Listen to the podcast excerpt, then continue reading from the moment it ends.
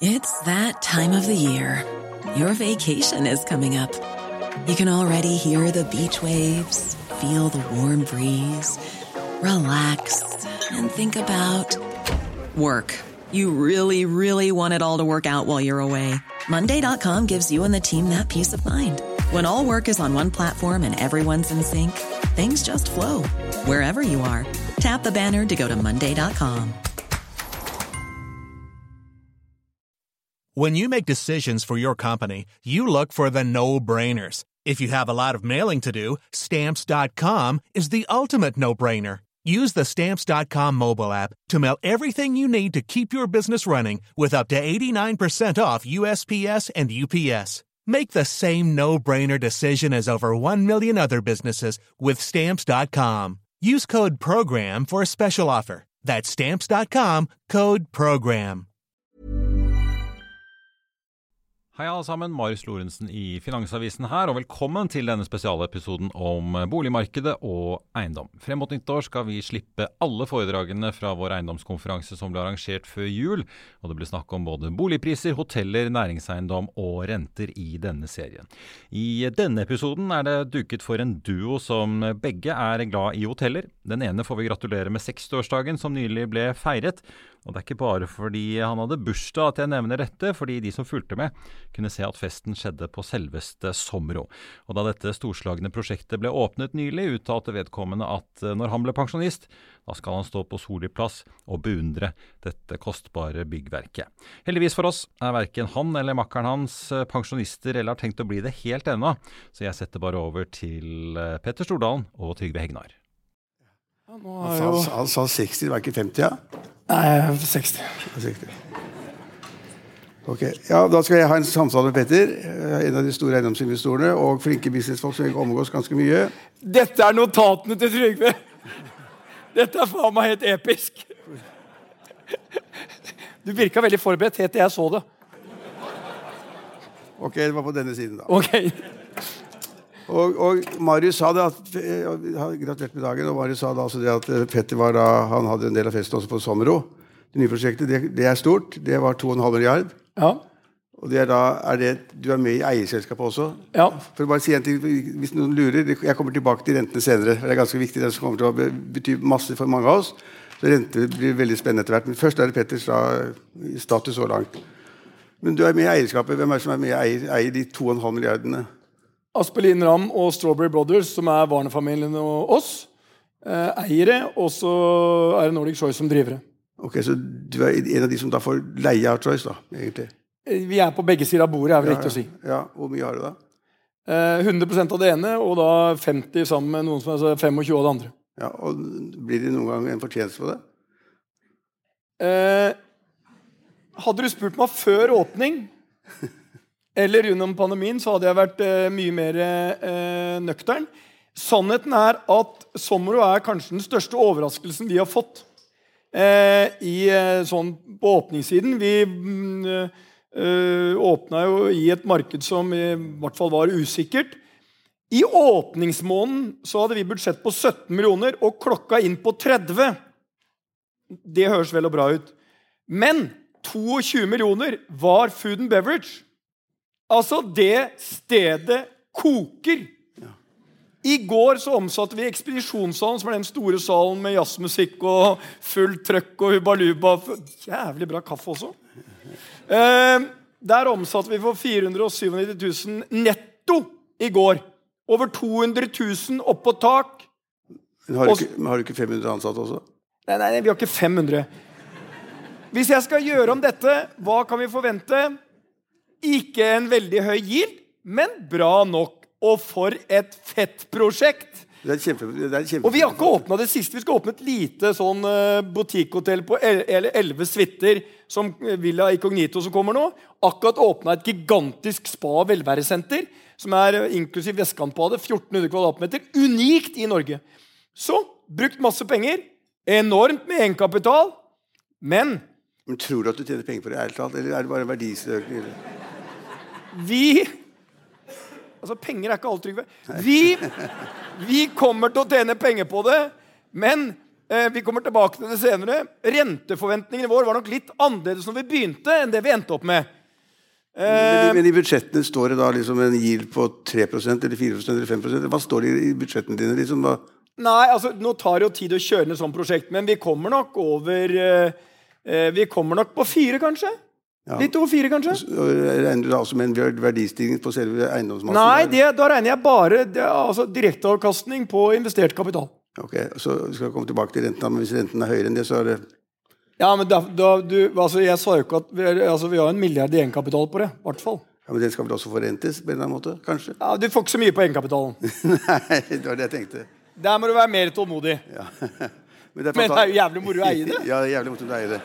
Ja, men Det er jo mye, altså, det å eie et sånt anlegg er jo helt fantastisk. Ja, det er fantastisk. Ja, det koker hver dag. Det er, det er, det er pakka fullt.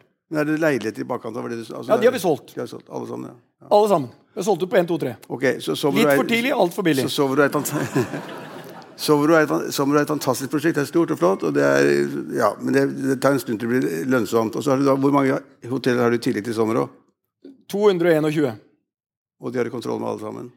Delvis. Ja. Men det, går, altså, det som er interessant hotell, altså Når jeg leser Finansavisen, så kan man jo bli Man blir jo ikke superoptimist. Og så ser jeg på tallene i hotellselskapet, og så kommer gleden tilbake. Eh, Det eneste jeg er helt sikker på, det er at den gleden er relativt kortvarig. Det vi står innenfor nå i hotell og reiseliv innenfor neste år, altså restauranter, hoteller Alt inn. Altså kjøpekraft som er trukket tilbake nå, Trygve. ja, Men du tapte ca. 2 milliarder i de dumme årene 2021. Ja, Det har jeg glemt, men det var mer enn det. Mer, ja, ok, så Det er ille nok. Så du sier at nå kommer det liksom en liten, liten positiv periode, og så ramler det på en dårlig periode igjen fra neste år? Ja, vi, vi var akkurat ferdig med den, eh, den eh, jævla pandemien. Og gikk inn i noe, og så var, kom trøkket. Og det ser så bra ut. Helt til Putin bestemte seg for at han skulle eh, gå inn i Ukraina. Og nå er jo alt, altså Energiprisene våre gikk fra skulle være 385 millioner, det blir jo vel 680-700, og 780 eh, 800 neste år. Men du fikk vel 300 millioner fra staten også, da?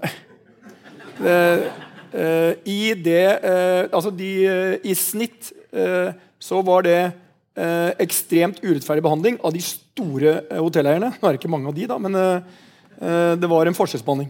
Hadde du ett hotell i Oslo, så fikk du dekt, Da var det nesten lønnsomt å holde det stengt.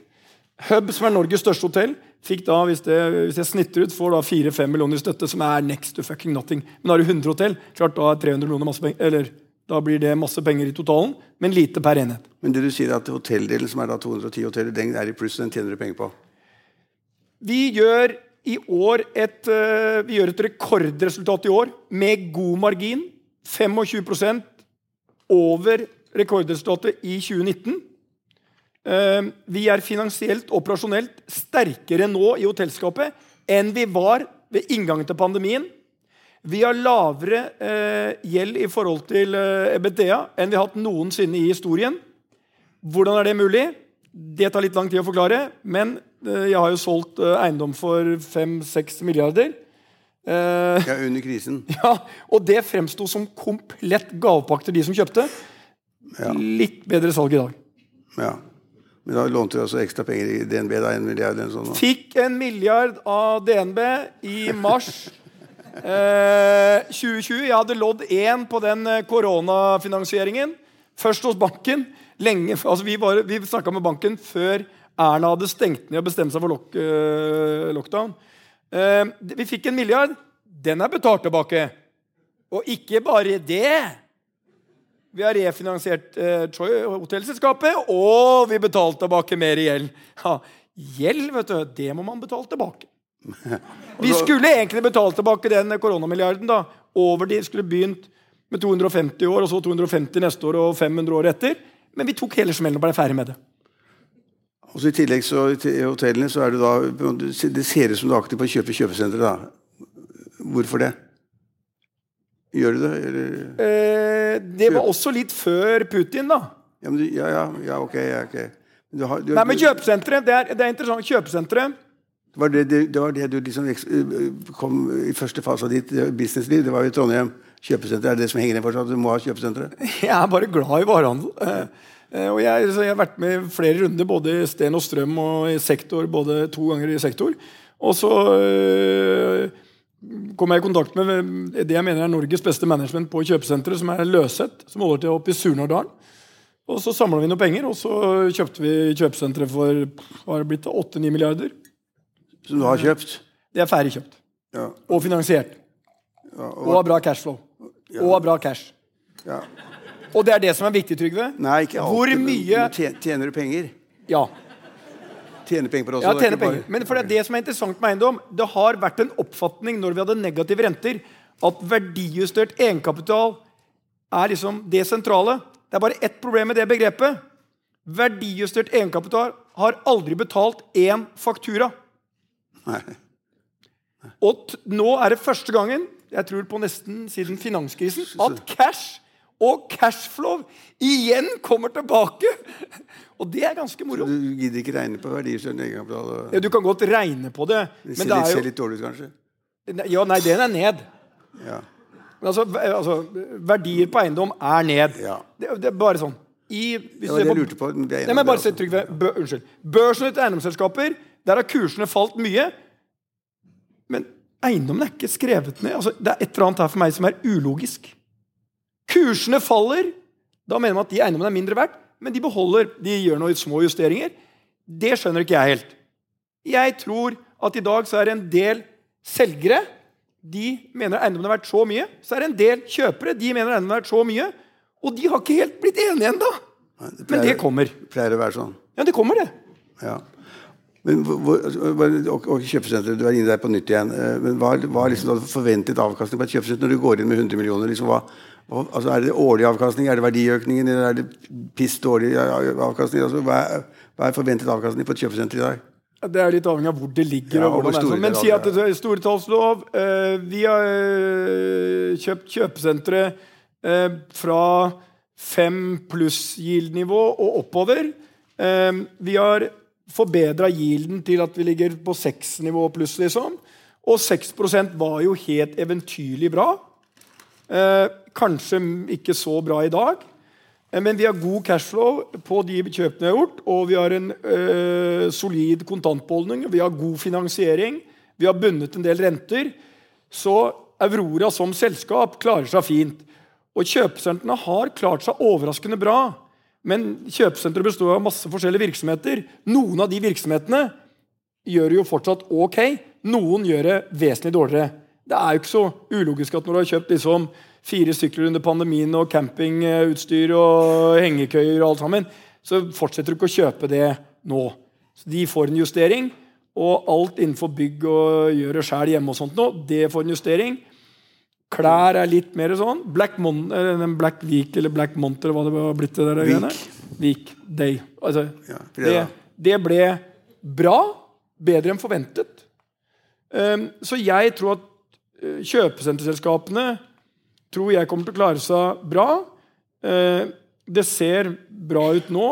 Uh, julehandelen blir ok, men ikke noe mer. Men det blir jo litt dårligere fremover, da. For alt, alle pengene går i strømregninger og mat, matpriser og høyere rente og sånn, så det blir jo dårligere, da. Men nå, nå, det er det jeg sier. der vi er nå, det gjelder også for hotell, restaurant og alt. Ja.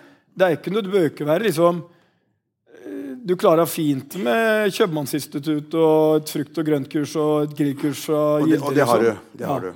For å analysere at det, at det kommer mange konkurser innenfor en del sektorer neste år, det er helt sikkert. At det er mange restauranter som nå har det ok, som pakker sammen i løpet av første halvår 23, det er helt sikkert. Det vi ser av bookinger nå inn i 23, bør være et klart signal at den kjøpekraften som er trukket tilbake, energipris, alt, alt Ja, ja. blir jo dyrere, den kommer til å slå inn på forbruk. Eh, og da, der er det ingen steder å gjemme seg. Eh, så vi forbereder oss på at neste år blir faktisk, hvis du ser bort fra da omikron januar og februar eh, i, i år Og tenk på det, vi var ikke ferdig med denne jævla pandemien før eh, mars i år. altså. Det er ikke mange måneder før helvete igjen eh, var tilbake. Men, du, du, er, du, er, litt bekymret, og det er vel de fleste i salen her også. Og, og jeg, Jeg er konstant bekymret for Ja. alle virksomhetene. Nei, det er du ikke, Petter. Det er Jo, det er jeg. Ikke når vi prater sammen på telefon, men eh, hotellselskapet, der, der må jeg innrømme at der er Men, men, men du er litt bekymret, så har du en portefølje på 210 hoteller.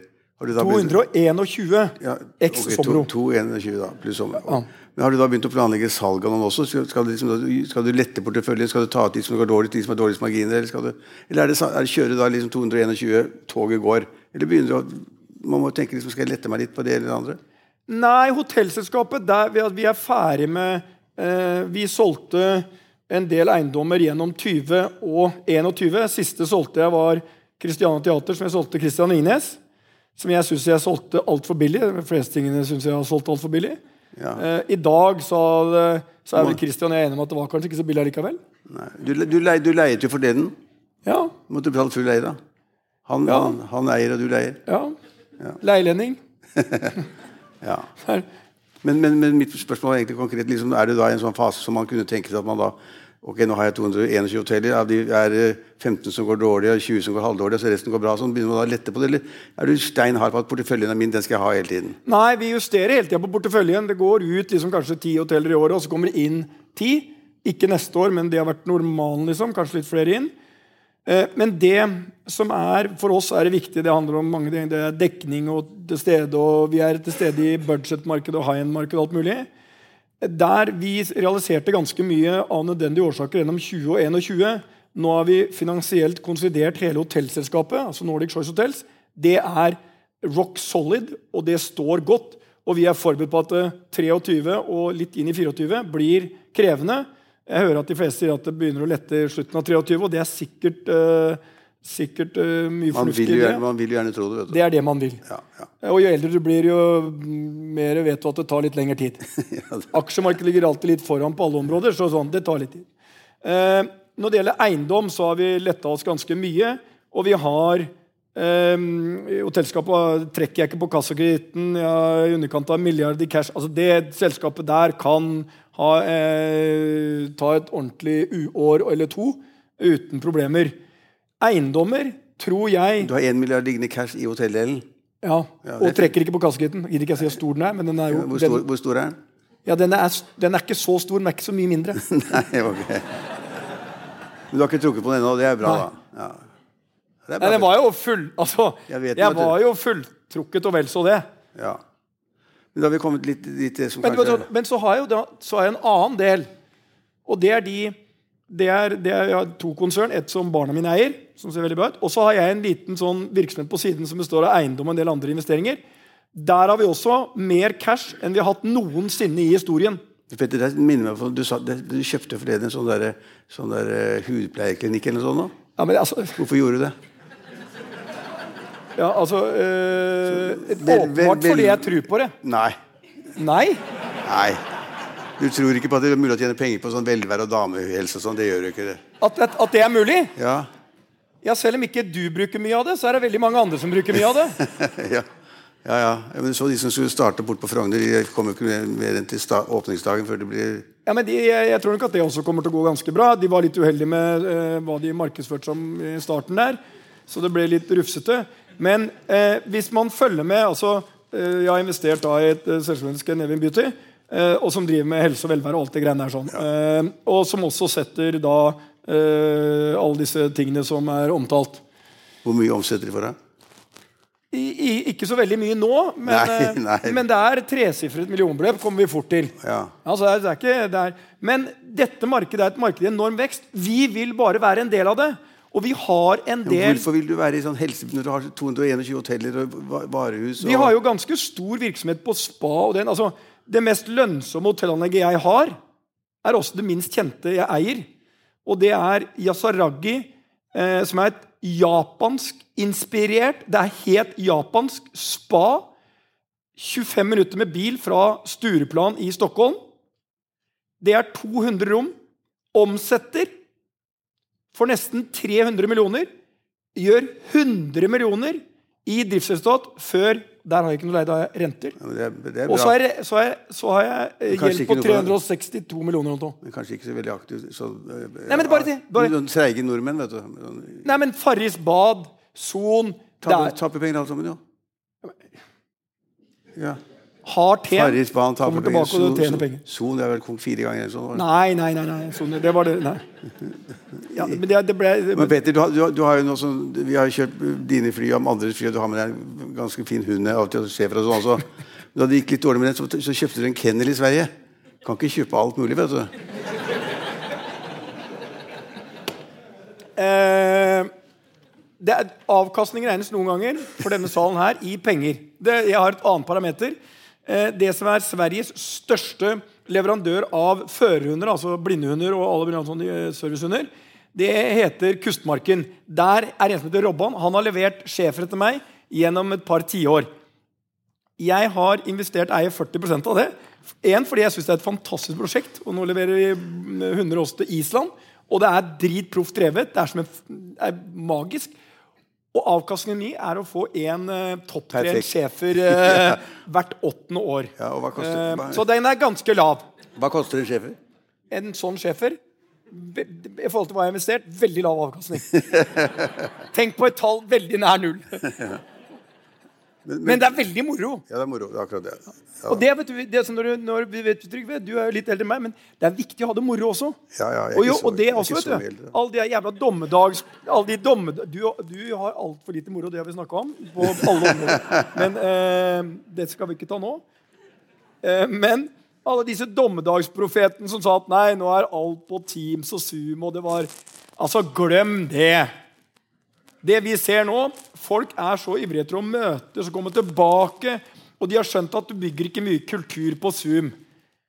Afterwork og minglinger og sitte der med meksikansk øh, og en øh, liten øh, tequila hjemme i dum sånn der meksikansk hatt og se på 20 andre som ser like dumme ut som deg. Det har vi testa. Det var ikke så jævlig moro. Det er moro to ganger. Moro nå det er å gå på Sommero. Ja. Fullt øs! Det må jo bli fullt i juletrafikken. Det er, det er opplagt. Ja, men det var jo, det var jo fullt før vi åpna. Ja, ja, for- Og når sommeren kommer, det taket der altså, Og så er det noen som lurer på hvorfor har musikk hver dag. Er ikke det dyrt? Dritdyrt! Vet du hvor mange av dere som bryr seg om det er dyrt når dere er der? Ingen! Bort. Ett unntak. Det er dyrt, men vi er i bransjen for å skape magiske opplevelser. Jeg, er, jeg er i bransjen i Scandinavian Beauty for at folk skal føle seg bedre, ha det bedre. I hotellbransjen så er jeg i bransjen for å levere magiske opplevelser for én eller 2000. Magi, det er det jeg leverer. Det er ikke en gjest som bryr seg om hva jeg har i gjeld, eller hva jeg tjener, eller hva det koster. Jeg er kun opptatt av opplevelsen. Kultur av senga. og kultur. Og kultur. Kultur, ja. kultur. Men la, la, la, la oss vandre litt litt Tenk litt mer på kultur, Trygve. Det er faktisk ganske viktig å investere i. Er det det? Ja. Jeg, jeg, alt jeg driver med, er kultur. Altså, det er eh, Kapital og Finansavisen. Ja, ja. I'll see you in court.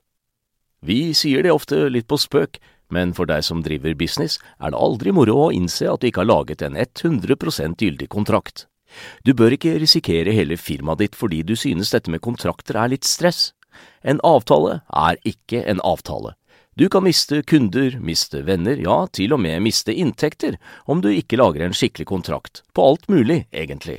Men vi vet det er et styr. Kopimaskiner, tregprinter og haugevis av papir. Dessuten stoler vi jo på folk her i landet. Det er ofte litt kleint å skulle be om en signatur for alt mulig, ja, for mye av styret handler også om jakten på underskriften. Det finnes en enkel måte å løse dette på, Dukkobit, en trygg, effektiv og get this, gratis måte å sikre seg en god natts søvn pluss en juridisk bindende avtale. Dukkobit-appen har de strengeste sikkerhetskrav i bunn, samt en EU-godkjent og sertifisert teknologi. Framover vil det bli behagelig å spørre du, skal vi skrive under på det, eller? Kom i gang på dukkobit.no. Men litt, litt, vi, vi, må, vi må liksom videre til det litt, litt alvorlige, som da angår hele salen sannsynligvis, og det er de rentegreiene. For du har også da hatt mye gjeld, og, Ja. og, ja, og, og, og, og mange andre har hatt mye gjeld. og finansiert, og Det er noen som har sagt at det å ha da pengene i fast eiendom i Oslo eller forretningsbygg, sånn, det er liksom penger på gaten. Det er ikke mulig å tape penger. Man, alle tjener penger på det. Og det har de kanskje gjort i 20 år. kanskje. Eh, og nå har vi da kommet til en periode hvor da, det var liksom negativ rente i Sverige og andre steder. hvor man hadde da fikk kanskje låne penger til 1 eller 2% eller 3% Og nå, de som nå fornyer disse obligasjonslånene, de må nå betale 6% det betyr at, altså det er jo, slik jeg ser, så må det være helt katastrofe for verdivurderingene av de prosjektene de har. Når renten går fra 1, 2, 3 til 6, og nå er det 6. Hvis man snakker med folk, og det er ingen som får fornyet noe som helst under 6% rente. Og da er verdiene på de hotellene de har, eller varehusene de har, eller andre ting de har, eller Barcode-bygg eller andre større bygg som da liksom, det var banker som tjente penger, nå, nå må det være veldig vanskelig. Svaret på det er ja. Ja. Ja, Det resonnementet ditt er helt riktig. og derfor har Svenske eiendomsaksjer har jo falt 40-50 Og Entra har falt 40 Norsk selskap har falt. Og hvorfor har det falt? Jo, fordi at når rente, høy, renten er så høy, og forventningen til renteutviklingen er så brutal, at verdiene faller som steiner. Ja. Ja, Og hva skjer da? Ja, da går blant annet eh, Da endres vel eh, loan to value ganske dramatisk fort. Og så endres cashflowen din fort. Men det er også en ting eh, Det er litt forskjell på svenske og norske eiendomsmarkedet, og eiendomsaksjer har falt. Men det er jo jeg, har vært, jeg har vært med i fem-seks større kriser. og Den største som er sammenlignbar med dette, er ikke finanskrisen, men det er krisen i 90-92. Eller sånn slutt, begynte på slutten av 89, kanskje. 90, 1990, da var det bankkrise. Det ja, bank, bankkrise gikk over ende. Alt det var. Banken gikk over ende. Ja, og det var jo gigantiske dagslånsrenter og alt sånt noe. Jeg prøvde å forklare mine barn, som er da eh, basically eh, 26 til 30 pluss, liksom, at rent, det rentenivået vi har hatt, det dere har opplevd, det som dere har øh, opplevd i deres liksom, aktive liv, det er ikke sikkert at det er den nye normalen. Men det var det veldig mange som la til grunn. Jeg gjorde en stor rentesikring, og husker jeg sa til min fremragende finansdirektør Mats Koch litt sånn øh, latterfullt Men Mats, det eneste jeg er sikre på, at rentene går aldri under null. Jo da. Negative renter. Altså at du skulle liksom det, Hele logikken rundt negative renter. Jeg låner penger og får betalt. Og det verste var de å, det var noen som begynte å venne seg til rente rundt liksom minus og null og bitte litt pluss. Men i alle dine prosjekter, da, når du kalkulerer nye hoteller, hva måtte være, har du ikke da regnet med en rente på 4-5% eller sånt, eller kanskje 3 eller 3,5, og nå, nå, er, og nå er det 6 hvis du skal fornye? Eller Ja, for- det tror jeg, altså jeg, tror fort, jeg tror fort store eiendomsselskaper jeg kan få 6 nå. Men det er forskjell nå Det er viktig her. Én er hvor mye lån du har hatt, og hva som skal fornyes. Og hvordan er det finansiert? Det som alle elsket, var obligasjonsmarkedet. Ja. Det var billigere enn bankene, og det var altså gefundenes fressen når man investerte i eiendom. Det var jo plassert obligasjoner nær null. Betalt basic. Altså, penger var gratis. Og når penger er gratis, så skal man være veldig forsiktig. Nå kommer eh, nachspielet, eller eh. Er kanskje, vi er kanskje der nå. Vi er, nachspiel er over. Vi er på oppryddingen. Vi er på Nei, vi er ikke der ennå, kanskje. Ja, men det kommer dit. Ja, Vi er på full fart hjem. Ja, men, men Fordi, men, men det er viktig, Trygve. De som Jeg har, hadde ikke nesten eh, Jeg hadde én obligasjon mot en stor, kjent norsk eh, obligasjonsutsteder. Som er eh, nær knyttet til en av Norges største banker. Som er lang. Eneste jeg hadde. Alt annet var hos banker. Det var dyrere i syv-åtte år. Hvorfor tok jeg aldri en obligasjon av alle de jeg ble tilbudt? Fordi jeg opplevde det før. Fordi jeg kan ta en tur ned til DNB, som var den norske banken min, og prate med de hvis det blir tøft. Obligasjonsmarkedet hva heter det i Norge? er det norsk tillitsmann som styrer greiene der. sånn? Ja, delvis i hvert fall. Ja. Ja. Du skal prate med norsk tillitsmann. da. Du vet ikke helt hvem som eier gjelda di. Så du skal presentere et case hvordan du skal komme gjennom det her, og de må kanskje fornye og sånt noe. Til hvem? Til norsk tillitsmann. Du møter, kanskje noen representanter for noen eiere. Det tok ikke vi sjansen på. Og det var en av de viktigste årsakene til at vi kom gjennom også koronaen. Hadde vi hatt store obligasjonsforfall gjennom koronaen, så tror jeg situasjonen kunne vært Vi hadde klart det, men det hadde vært veldig annerledes. Måtte solgt mye mer. Obligasjonsmarkedet som skal fornyes nå, tror jeg er en stor utfordring. Stor i Norge, enormt stor i Sverige. Ja, og bare der i Sverige, Petter. det er- Ja, jeg tror de har 500 milliarder i obligasjoner Altså. I- I- Ivar Tollefsen er ikke her i dag. Men, men, men han, grovt sett så sier folk at han har da verdier for 300 milliarder, så har han gjeld på 150 milliarder. Hvis da den gjelden plutselig skal forrentes med 6-7 i stedet for 1 eller 2% det er jo, det er katastrofe. Er- Eller er det feil, feil tenkt? Nei, nei, altså Hvis du har 300 milliarder i verdier og 150 milliarder i gjeld, og du har obligasjonsmarked, og du har betalt 1 og 2 rente, så får du 6 Ja, eh, Nå skal ikke jeg uttale meg om enkeltselskaper. og jeg tror at eh, Når det gjelder eh, Tollefsen, så tror jeg man ikke skal undervurdere hans sponsorer. Eh, medaksjonærer. Eh, hans medag, de som er med og støtter han. De er, de er enormt sterke. Ja, i Sverige. Alekta. Enormt sterke, enormt store. Og så er det mange som prater om at ja, han kjøpte liksom eiendom for 92-3 milliarder på 2,5 eller hva faen det var for prosent. Eh, Tyskland og Sverige. Mye boliger. Han har 150 000 leiligheter. Det er veldig mange leiligheter, Trygve. Det er veldig mange. Da hadde du sovet dårlig om natta. Ja. Jeg tror Ivar sover veldig bra. Eh, og jeg tror liksom han har holdt på i mange år. Og det er viktig å ha en aksjonær, eh, en supporterklubb da, som støtter deg, og det tror jeg han har. Så jeg tror liksom ikke man skal være veldig eh, bekymret. Verdiene går ned, men det er sånn. Jeg tror han klarer seg. Men mye obligasjoner. og Det var jo, men eh, det var et intervju jeg tror sjefen hans som sa at eh, han sa vel også at det kjøpet på de 92 milliardene kanskje ikke var så bra tima. Eh, og det syns jeg er greit å si.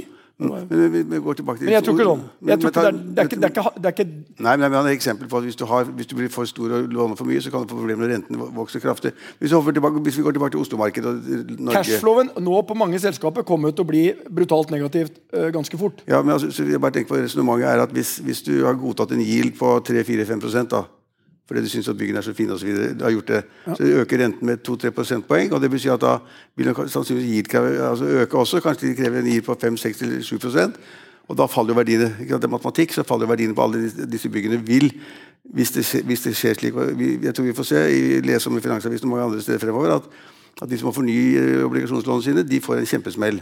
Og Da skulle jo teoretisk da verdiene synke også. Vil det bety at tilbudssiden kommer til å øke? altså Folk blir engstelige og begynner å måtte, måtte selge eller ville selge da store eiendommer i Oslo? Eller i Norge for øvrig? Er, det- er, er Nå skal, nå skal ikke jeg så eh. Siden vi var innom kultur, skal ikke jeg begynne svaret mitt her med å sitere Bjørnstjerne Bjørnsons eh, En fallitt. Jo, gjør For jeg er for ikke det- belest. Men jeg mener å huske der at var det grossereren eh, som ikke ble satt i fallitt eh, fra bankens side. Fordi de kunne ikke og ville ikke eh, pga. konsekvensene. Men det var hans advokat som til slutt forhandlet det frem. Sikkert feil. Håper ikke det er en journalist sier at det var katastrofalt. Men mitt poeng er Jeg, jeg Og det, her sitter jo masse Det er sånn eh, Hvis dealen endrer seg fra 4 til 5% så slår det så brutalt på egenkapitalen veldig fort. Så du får en situasjon her med verdifall. Jeg tror ikke verdifall er den største utfordringen akkurat uh, i eiendomsmarkedet. Jeg tror faktisk uh, cash og cashflow kan bli en vel så stor utfordring. Fordi når du skal refinansiere, så vil bankene si ja, men nå er liksom LTV-en din litt, og de låneutmålingene blir lavere. Refinansiering krever større avdrag og kanskje i kombinasjon med lavere låneutmåling. Og så har den løpende kontantstrømmen din den har endret seg fundamentalt. For den var tidligere god, og nå er den kanskje i beste fall passe. Veldig mange får dårlig cashflow. Jeg, kan- sånn- jeg tror du kommer til å oppleve nå at det er selskaper som går i vifta, ikke pga. Øh, øh, verdijustert egenkapital, pga. at de går cashkonk. Du har ikke penger til å betale regninga di. Men Og du har verdijustert egenkapital, men som jeg sier, aldri betalt regningen. Men kan, men kan ikke de fleste, som, de som er store gårdeiere, eller, eller hva det er, vil ikke de måtte, kan ikke de ofte da kreve mer av leietakerne sine? Nei, altså det er ikke, det, det, jeg kan ikke gjøre så mye om kontormarkedet, men det er sånn har hun leie og har hun leie. Jeg kan ikke komme og skrike det, og så kommer du og si at Trygve, eh, nå må, eh, nå må du betale mer leie. Kristian Ringnes gjør det. Kristian Ringnes gjør det.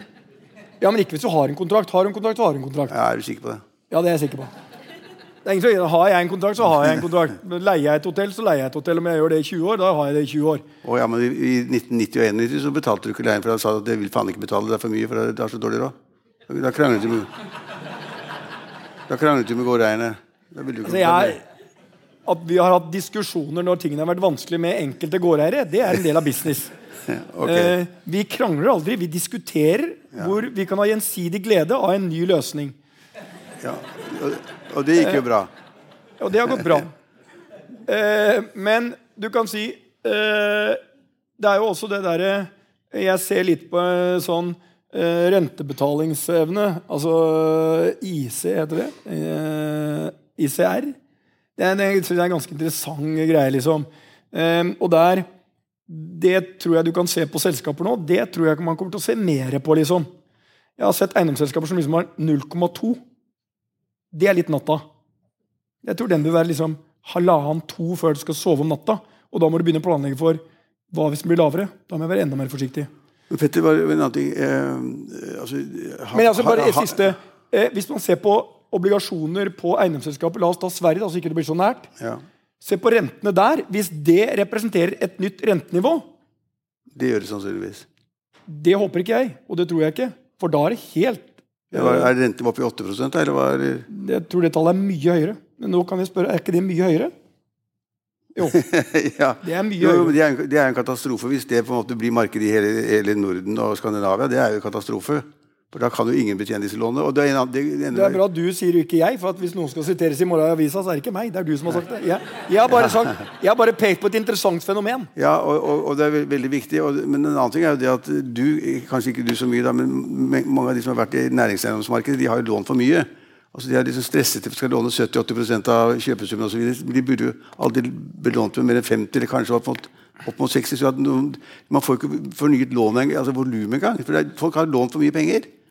Bankene har sløve og gitt deg eller andre lån til og, og, og 80% av kjøpesummen. og sånn. Det skal du ikke gjøre. Det er vi helt enige om.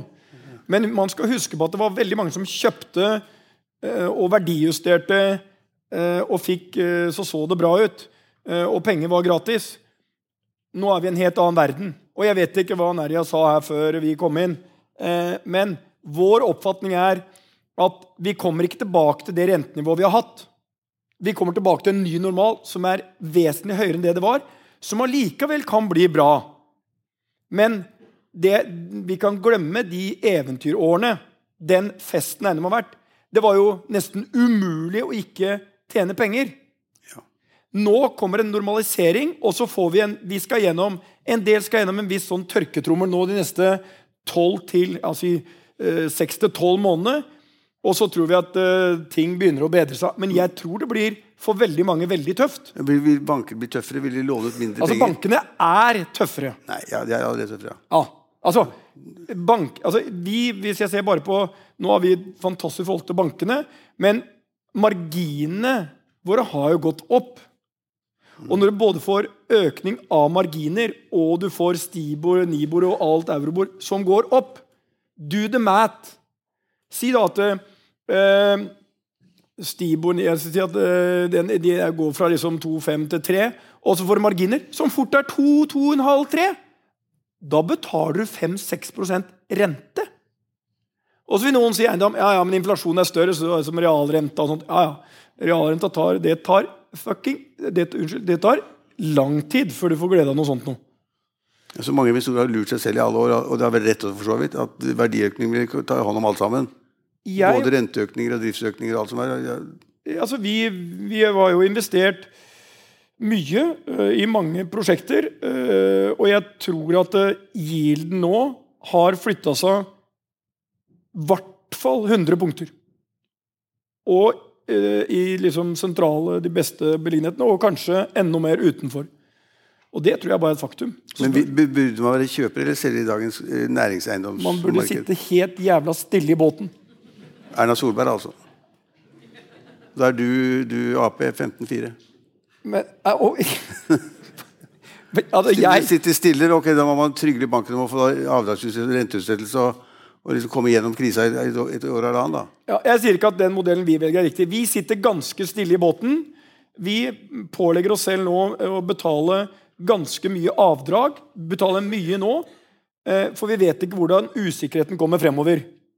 Vi passer på cashen mer enn noensinne, og vi gjør ingen styr... Altså, jeg har ett stort prosjekt av nyåpninger neste år. To, kanskje. Og så har jeg fem i 24. Det er langt under normalen. Langt under normalen. Men ser jeg på hotellmarkedet nå, så burde jeg investert mye mer. Men burde du ikke vente til prisene faller litt, da? Akkurat, burde du ikke vente til prisene falt litt, istedenfor å kjøpe nå? Jo, det er det jeg sier. Jeg, jeg sitter stille i båten. Ja. Så nå sitter jeg ja, Du sitter stille og ror? Men... Nei, jeg, jeg, jeg, ja, jeg, Hotellskapet der øh, går jo så Nei, men altså, Eksempelet er da eh, September måned i 2019 som var vår beste september noensinne i historien var en EBTA på 186 eller 98, husker jeg ikke, 180 pluss millioner. September i år var 314 millioner. Og da er vi ekstremt forsiktige, vi, og da har vi svelga unna 40 millioner den måneden i økt strøm i tillegg. I november nå, som avsluttes Der får jeg tallene om to dager.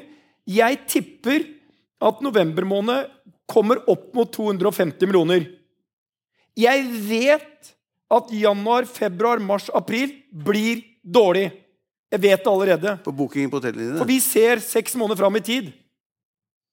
Så jeg, det som er nå, det syns jeg er hyggelig, men vi ser seks måneder, hva ser vi, og det forandrer seg ikke fort. Og jeg som da har en, en, en liten aksjepost i, i Scandic, hvordan går det? Eh, nå skal ikke jeg uttale meg mye om Scandic, men det er, det er få, det er få ting jeg forstår. Men at det at den, altså, det, er, det er ikke at det kommer utenfor denne sal. Nei.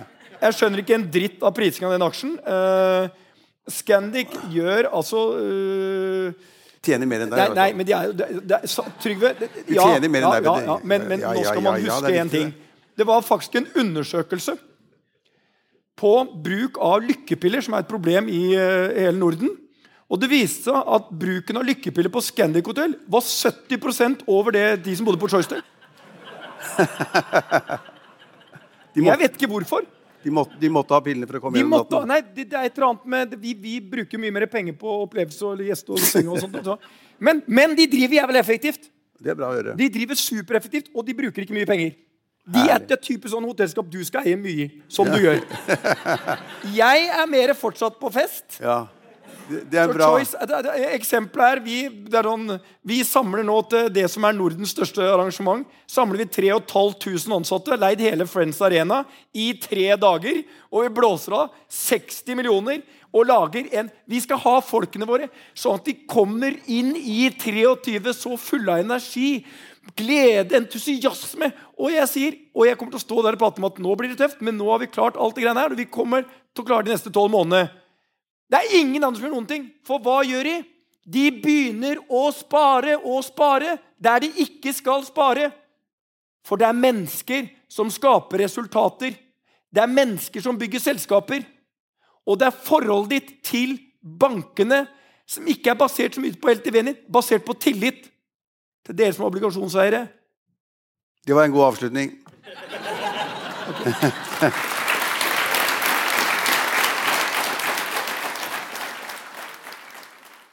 Og vi gratulerer Petter Stordalen med fylte 60, og vi er nå ved slutten av denne spesialepisoden, der du har fått høre et eh, utdrag av hva som skjedde på Finansavisen eiendomskonferanse.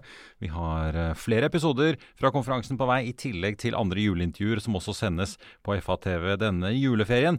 Så husk å abonnere på Økonominyhetene i Spotify, Apple Podcast eller der du hører på eh, podkast. Produsent for denne sendingen har vært Lars Brenden Skram. Mitt navn er Marius Lorentzen, og fra alle oss i Finansavisen, ha en en riktig god jul, alle sammen. Økonominyhetene er en podkast fra Finansavisen. Programledere er Marius Lorentzen, Stein Ove Haugen og Benedikte Storm Bamvik. Produsenter er Lars Brenden Skram og Bashar Johar. Og ansvarlig redaktør er Trygve Hegnar.